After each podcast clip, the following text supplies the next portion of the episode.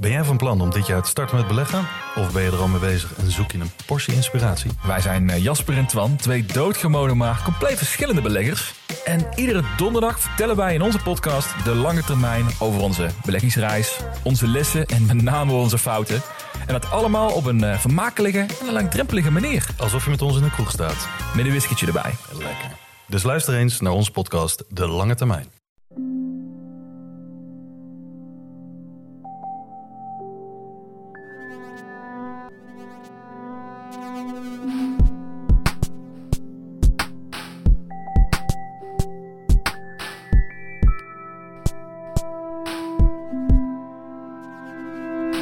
Dit is Relaas, waarin mensen een verhaal vertellen over iets dat ze zelf hebben meegemaakt.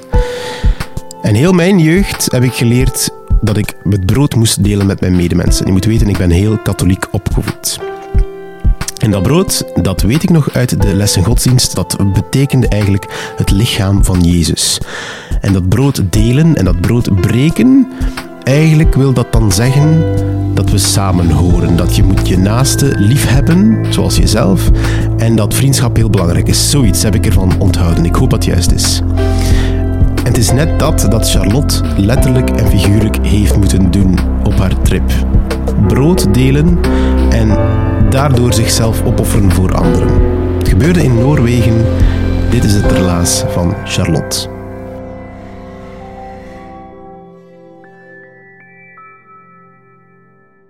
Ik weet nog goed. Ik zat in mijn living op het Perzische tapijt voor de salontafel en ik keek naar de televisie. Uh, ik was een jaar of zeven, acht en uh, het stond op mijn favoriete kanaal National Geographic. Ik vond dat de max. Gaat er van die coole programma's zoals uh, Snakes Attack. Uh, dat vond ik helemaal uh, ja, geweldig. Dat we, de wilde beesten die werden bedwongen door Crocodile Dundee-achtige mannen in vol ornaat. die zagen er ook altijd zo ja, boeiend uit met hun beige broekjes en, en uh, zo van die riemen waar dat van alle tools dan konden aanhangen, zo messen en, en touwen. En, ja, die konden de wereld aan, hè, die mensen. Dat, was, uh, ja, dat vond ik geweldig. Um, ik was daar ook effectief mee bezig. Ik had zo van die schema's dat ik dan uitschreef van de programmering van National Geographic, waar de, al mijn programma's die ik dan wou zien in genoteerd waren. En ik was altijd op punt als, uh, als dat dan begon. Ik maakte tekeningen van de beesten. En ik, uh, ik had een knipselmap um, waar dat ik dan uh, uitknipsels van wildlife uit de, de zonneland in, in plakte. Um, ja, dat was echt een hele wereld op zich. Uh, die wildernis, dat was leuk. Um, maar het heeft betrekkelijk lang geduurd eer dat ik dan zelf effectief die natuur introk. Um, het was eigenlijk uh, pas op mijn 22e dat ik effectief een lange trekking maakte. Dat was naar Noorwegen. En uh, ja, dat was wel de reis. Um, ik zal heel niet zeggen, we waren alleszins goed voorbereid. Um, dat wel. Uh, op voorhand hadden we zo een recept gevonden van toerbrood. Ik weet niet dat jullie dat kennen, maar dat is zo brood dat je uh, zonder gist maakt, met verschillende soorten bloem. En je doet daar dan die gedroogde vruchten in en zo. Dat is heel voedzaam en dat wordt niet slecht. Dus je kan daar maanden mee door. Uh, en uh, dat was goed, want we moesten al ons eten meepakken. Uh, we gingen echt van hut tot hut met onze tent ook. Um, in acht dagen in de Noorweegse, Noorse natuur. Dus goed voorbereid. Dat toerbrood dat woog echt heel zwaar. Dat wel, dat was het nadeel. Maar geen probleem, want we konden dat allemaal in stukjes uh, verdelen onder ons gezessen. Want we waren met zes.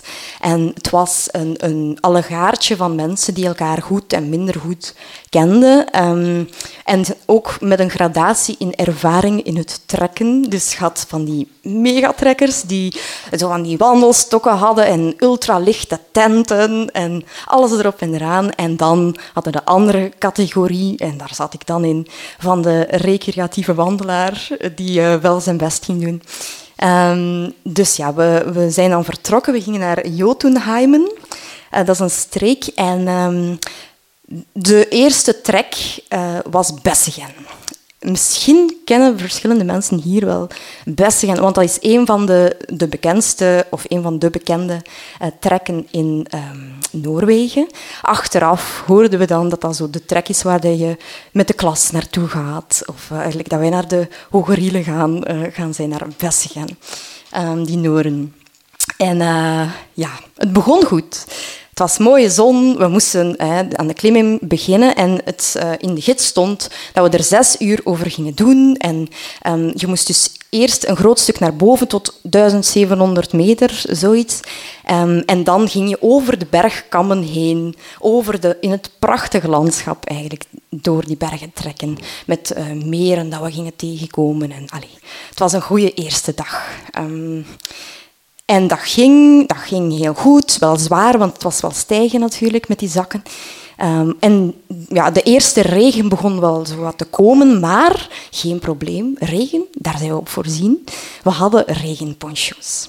Dus we deden dan zo'n poncho aan en dat ging dan over onszelf en over onze rugzak. Dus we zagen er dan zo wat uit als, als ja, zo wat dromedaris figuren of zo. In een karavaan trokken we dan verder en we kwamen dan het was, vermoeiend, maar ook, we werden beloond. Uh, op het eerste hoogste punt um, zagen we in de verte, zagen, er was mist, nogal veel, maar in de verte toch een schim van rendieren.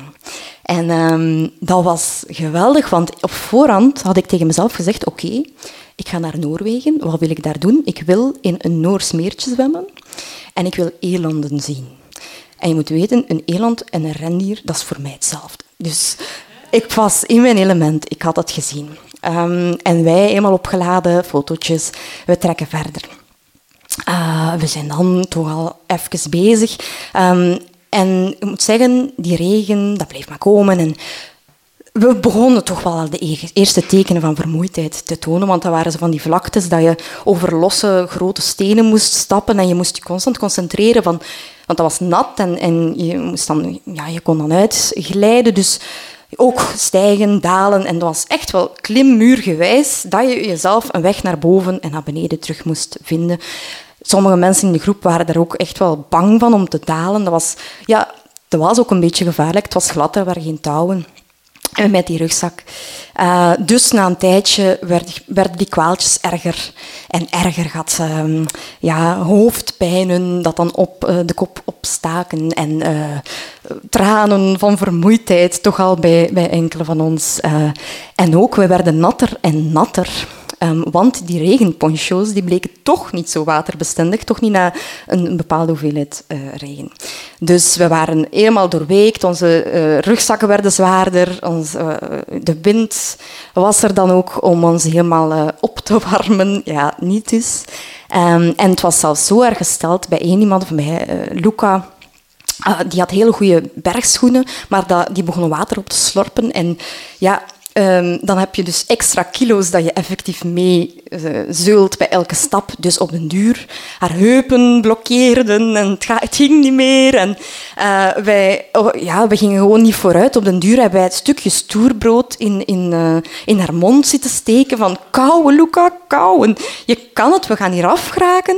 Het was echt dramatisch. Um, en we geraakten er niet af, want dat was echt ja, zo accordeongewijs dat wij die berg overgingen. Dat was um, de eerste groep die dan voorop liep en dan wachten op de tweede en dan weer zo verder. Maar ja, Eén, de tweede groep die kon niet uitrusten, want die moest direct terug voort met ons. En die eerste groep, je, wachten, wachten als je moe bent, dat is verschrikkelijk vermoeiend. Um, je mag dat echt niet onderschatten, want als je uitgeput bent, je enigste doel in je hoofd is vooruit.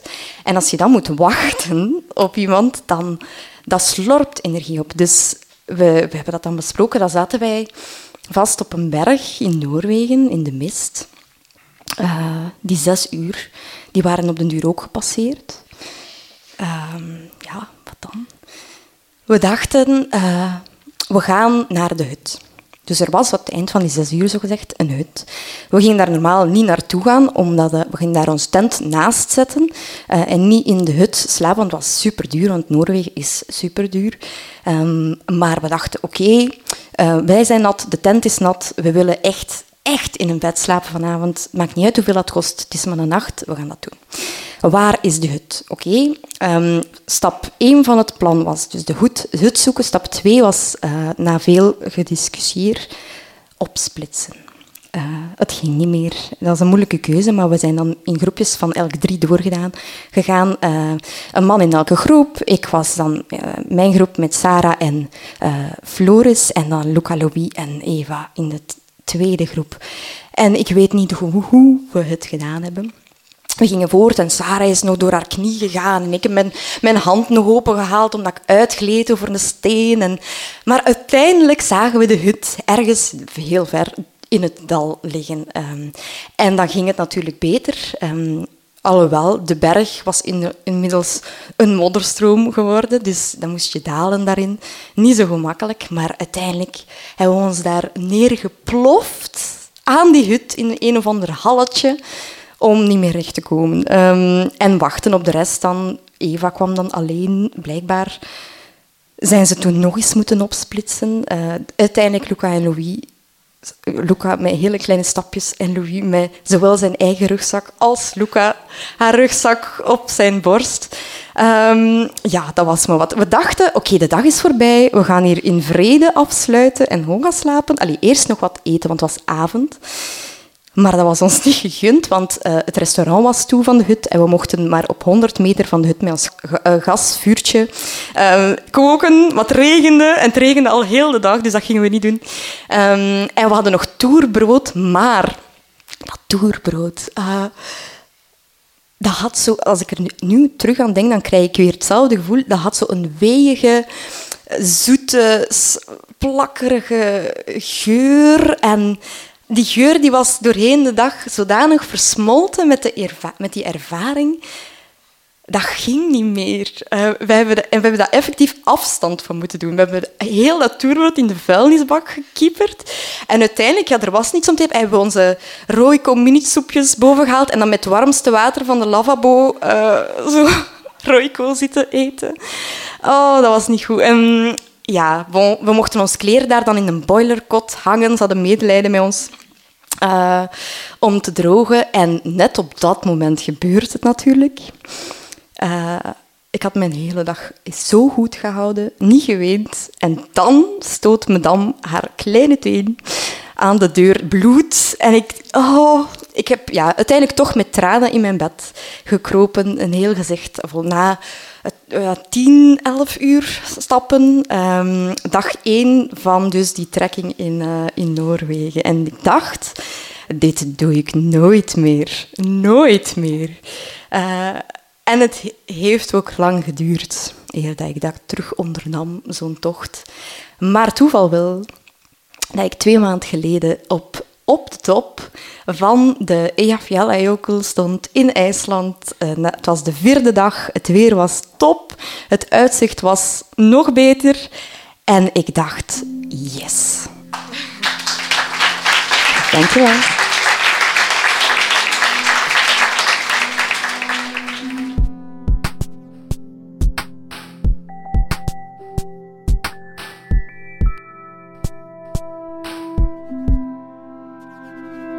Dat was het relaas van Charlotte. Voor mij alvast een mooi symbolische relaas. Het feit is dat ze letterlijk brood moeten breken en onder elkaar verdelen. Ik zie het zo voor mij. En dat ze dan moeten uh, voor elkaar zorgen om te overleven. Een beetje grof gezegd, maar om te overleven. Dat maakt voor mij een heel speciaal en mooi verhaal. En zo is dat in het echte leven. Soms moet je jezelf in zijn stukje opofferen om de rest te helpen. Over opoffering en naaste liefde gesproken, misschien is het nu wel het moment om naar de iTunes Store te gaan en ons eens een beoordeling te geven. Of ons te liken op Facebook of om uh, onze Facebookpagina tof te vinden. Uh, als je een van onze verhalen deelt trouwens, dan hebben wij in, ineens een heel groot extra luisterpubliek. Dus delen, delen, delen. Heb je zelf een herkenbaar of een bijzonder verhaal? Um, of wil je iemand tippen die een goed verhaal heeft? Of wil je eens live naar een van onze vertelavonden komen? Dan kan allemaal. Gewoon surfen naar relaas.be. En daar kom je alles te weten over wie wij zijn, wat we doen, wat die vertelavonden nu precies zijn en uh, over onze podcast.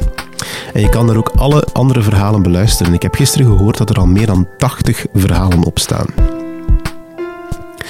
Relaas zou er niet kunnen zijn zonder eh, de hulp van Stad Gent. We hebben ook een aantal partners. Dat zijn Urgent FM, Pulp Deluxe en REC. En Relaas wordt gemaakt door een hele groep vrijwilligers. Ik hou eraan en ik vind dat nog altijd heel belangrijk om ze allemaal te bedanken. Dieter van Huffel, Timo van de Voorde, Sarah Latree, Philippe Cox, Evert Saver, Charlotte Huigen, Marleen Michels, Anna van den Abelen, Kenny Vermeulen, Sarah Damoor, Anneleen Schelstraten, Ruby Bernabé Ploe en ikzelf ben Pieter Blomme. En jullie maken ook mee, helaas. Jullie zijn onze luisteraars. Als jullie onze verhalen delen online, of via word of mouth, of in een nieuwsbrief, of via post, het maakt ons niet uit. Zolang dat je ons verhalen deelt, dan worden wij groter. En dat vinden wij fantastisch. En dan uh, kunnen wij nog meer verhalen brengen. Like ons op Facebook, gewoon relaas intypen. En als je ons uh, volgt op Instagram of op Facebook, dan krijg je ook onze verhalen te zien. Dank je om te luisteren.